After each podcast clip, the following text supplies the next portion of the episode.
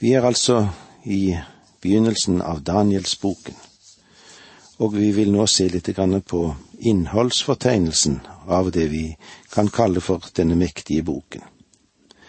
Den første biten som vi vil gå inn på, er den historiske natten sett med profetisk lys. Det ser vi i de første seks kapitlene.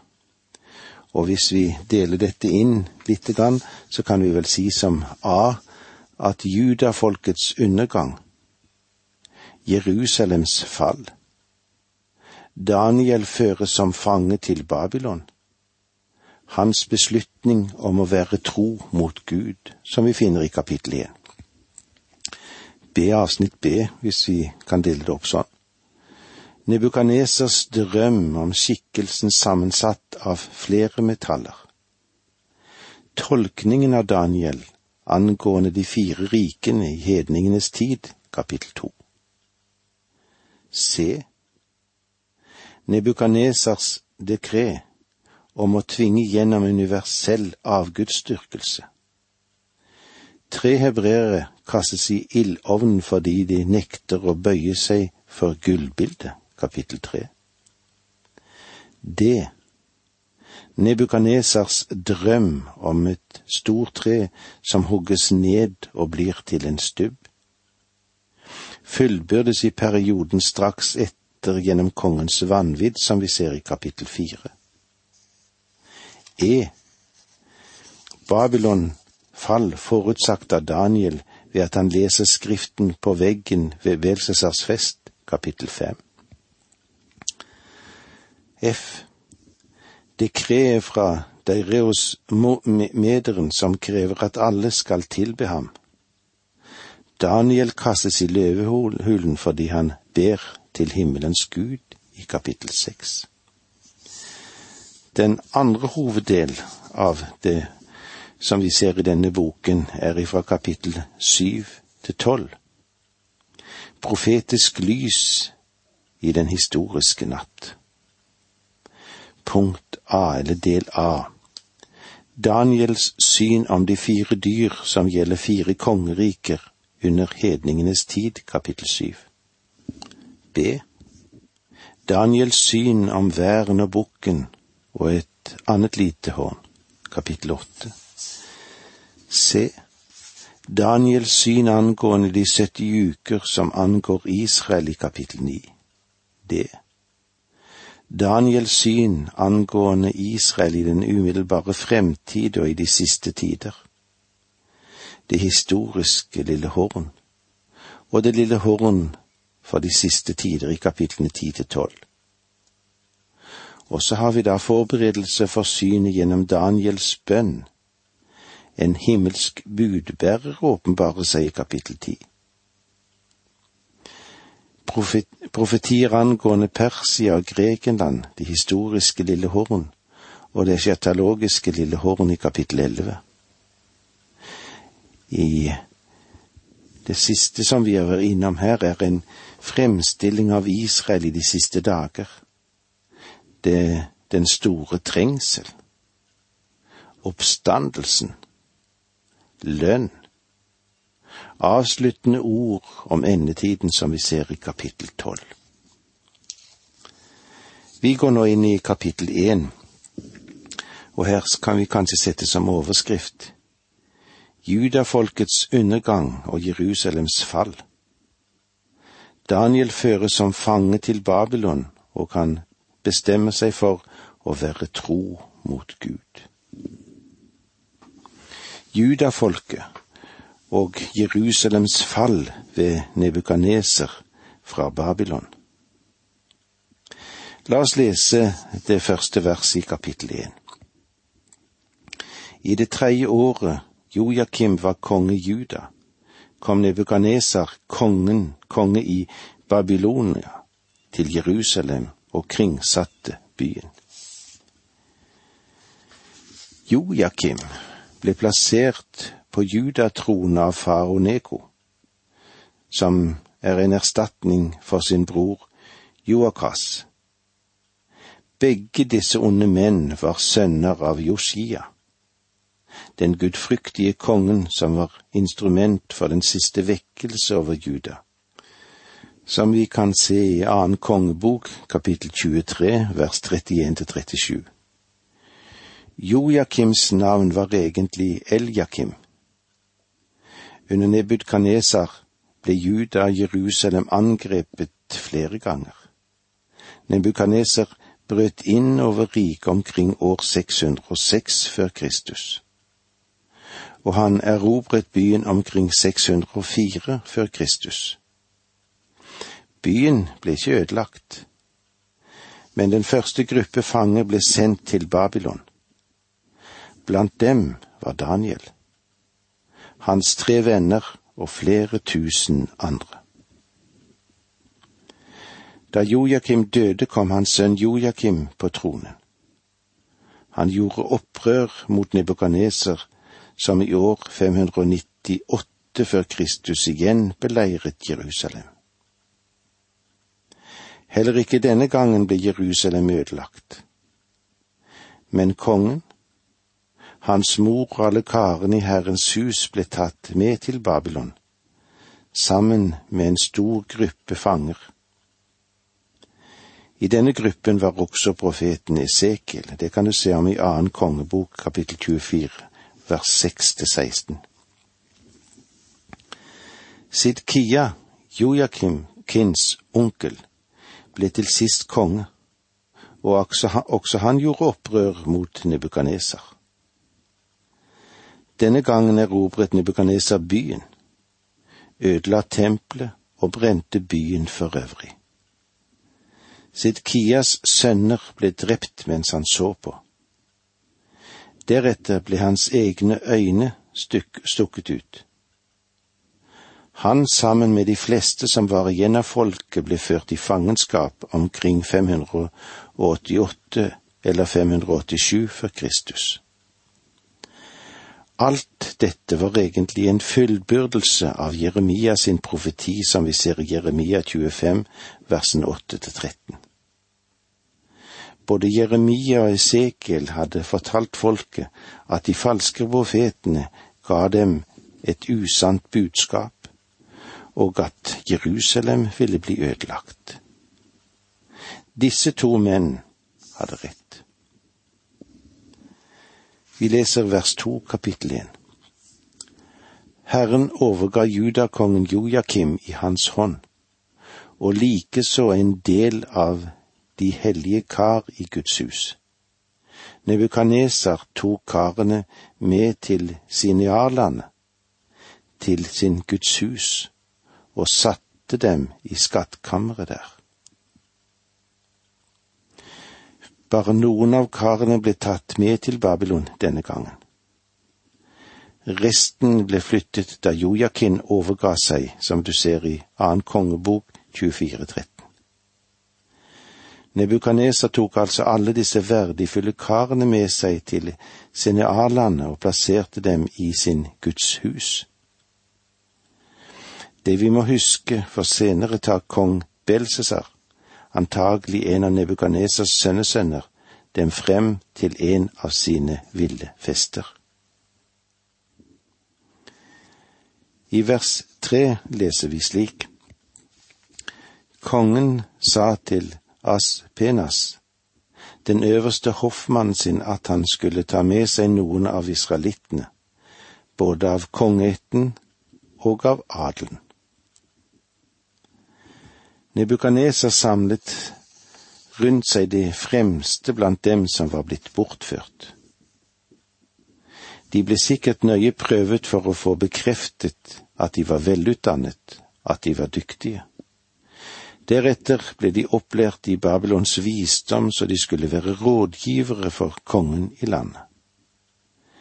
Vi ser av beretningen her at Daniel ble inkludert i den gruppen og at kongen virkelig rådførte seg med dem. Dette er ting som vi vil komme inn på når vi møtes igjen neste gang, men det var så langt vi kom i dag. Takk for nå, må Gud være med deg. Dette undervisningsprogrammet består av to deler. Åge Nevland fortsetter nå med andre del av dagens undervisning. Vi er i Danielsboken i det første kapitlet, og vi ser hvordan judafolket og Jerusalems fall ved Nebukadnesars når dette skjer i Babylon. I vers tre leser vi slik. Kongen sa til Aspinas, den øverste hoffmannen sin, at han skulle ta med seg noen av israelittene både av kongeætten og av adelen. Kongen sa altså til Aspinas, den øverste hoffmannen sin, men det kan kanskje òg leses på denne måten, i vers ni da. Kongen sa til Aspinas, sjefen for evenukkene. Vers ni i dette kapitlet altså henspiller på dette. Gud gjorde det så at sjefen for evenukkene fikk velvilje og godhet for Daniel. Daniel og hans tre venner ble forfremmet etter profetien som ble fullbyrdet fra Jesaja 39,7. De skal ta noen av sønnene dine, av dem som stammer fra deg, fra deg, og gjøre dem til hoffmenn i babylonerkongens slott. Det synes å være en bred enighet om at Daniel ble tatt til fange da han var omkring 17 år.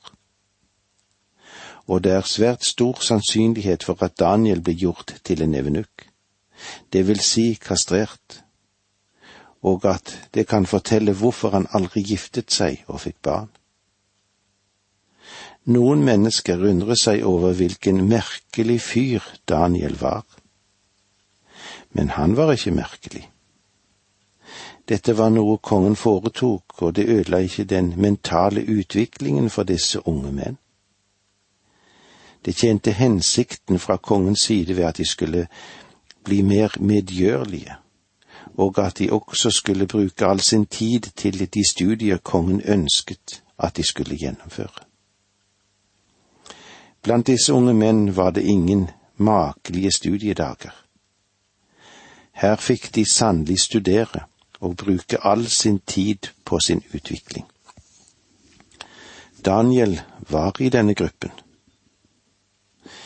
I vers fire i kapittel én unge gutter som var uten lyte og vakre å se til, kyndige i all slags visdom, kunnskapsrike og lærenemme, skikket til å tjene i kongens slott.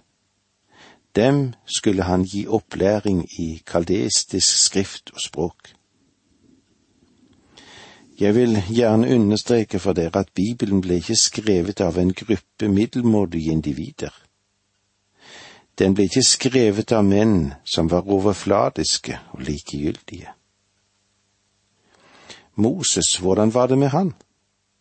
Jo, Moses var opplært i all Egyptens visdom. Egypterne var meget avanserte. De kjente avstand til solen, og de visste at jorden var rund. Det var noen grekere som spaserte inn på scenen senere og gjorde flat, jorden flat. Det var datidens vitenskapsmann, men det var vitenskapen som lærte at jorden var flat. Bibelen, den har aldri lært det. Faktisk så sier den at den var en sirkel. Det kan du se om i Jesaja 42. Daniel, selv om han var ung, så var han meget fremstående, denne unge mannen. Og han fikk prøve seg som en rådgiver ved Nubuganesers hoff. Apostelen Paulus, som skrev mye av Det nye testamentet, han var også en, en intellektuell størrelse. Han var vel av første klasse. Alle disse glimrende unge menn som var fostret i datidens lærdom, var inne i dette bildet. Jeg blir trett av å høre en del unge mennesker som opptrer som om Bibelen ble skrevet av en gruppe mindre tilregnelige individer. Er du en slik? Ja, da tar du feil. Daniel sto ikke tilbake for noen. Han var en briljant ung mann. og han fikk en fostring som få andre har fått. Du skal ikke forakte datidens lærdom. Det fantes mange avanserte lærde som dekket mange livsområder. Daniel fikk del i all Kaldeas visdom. I vers fem leser vi slik. Kongen bestemte at de hver dag skulle få spise av samme fine mat som ham, og drikke samme slags vin. I tre år skulle de få opplæring, og etter den tid skulle de gjøre tjeneste hos kongen. Dette var selvfølgelig hedningenes meny, og med hedninger mener jeg ikke jøder. Og derfor inkluderte dagens retter også urene dyr. Husk nå endelig på at Daniel var en jøde, og han var forpliktet av Moseloven. Og der var det forordninger om hva slags kjøtt man skulle spise, visse typer fugl og visse typer fisk. Daniel, som en av fangene, fatter sin beslutning om å være tro mot Gud. Det kan vi sette som overskrift når vi går videre. I vers seks og syv i dette kapitlet, blant dem var judeerne Daniel, Hananya, Misjael og Asarja. Den øverste hoffmannen ga dem nye navn. Daniel, han ble kalt Beltsasar, han Anja, Sadariek, Misjael, Mesjak og Gazarja Abed-Nego. Den øverste hoffmann endret altså deres hebraiske navn, og han ga de kaldeiske navn i steder. Han ga Daniel navnet Beltsasar, som betyr den som tilber Baal. Du husker det, denne hedenske guden. De tre andre fikk også nye navn. Legg merke til at de navnene vi kjenner disse tre under, er de hedenske navnene. Jeg kan bare tenke meg at disse fire guttene hadde den høyeste intelligens av hele gruppen. Du skjønner at Babylon ønsket de beste hjerner like så vel som de vakreste legemer. Disse fire unge menn fra Juda er trukket frem og gjort kjent for oss, og er årsaken til at de kommer til å spille en rolle i Guds plan. Jeg forutsetter at alle disse fire guttene var jevnaldrende, altså omkring 17 år gamle. I vers åtte i Daniel 1 leser vi Daniel satte seg fore at han ikke ville gjøre seg uren med maten og vinen fra kongens bord. Han ba den øverste hoffmann om å få slippe å gjøre seg uren. Denne gutten tar et virkelig standpunkt for Gud, og han gjør det ved et hedensk hoff. Under normale omstendigheter ville dette ha vært katastrofalt. En slik oppstettighet skulle egentlig være rammet av døden. Det er helt klart at Daniel ikke forsøkte å vinne seg inn i popularitetsbølgen eller konkurransen. Han prøvde ikke å tilfredsstille nebukadnesar. Hans beslutning har ikke i seg denne moderne unnfallenhet og kompromissholdningene, men kanskje det som er litt for fremtredende i vår tid. Han var heller ikke diktert av falske filosofer fra bøker som hvordan man skal vinne venner og få innflytelse over mennesker. Daniel kjente ikke noe til spyttslikkerens filosofi. Når du er i Babylon, så gjør som babylonerne gjør. Daniel ble ikke likedannet med denne verden, men han ble forvandlet ved fornyelsen av sitt sinn, og å gjøre det Guds vilje er. den altoppslukende målsetting for hans liv. Daniel og hans venner representerte i sin tid den jødiske rest som Gud har hatt til alle tider. Det er denne rest som Paulus skriver om i Romerbrevet 11.5. På samme måte er det også i vår tid blitt en rest igjen som Gud har valgt ut av nåde. Disse guttene ønsket ikke å ete kongens mat.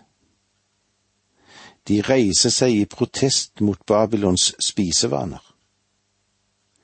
Målet for kongen var vel å hjernevaske dem, gjøre dem til babylonere både innvendig og utvendig. De skulle ete som babylonerne, kle seg som babylonerne og tenke som babylonerne.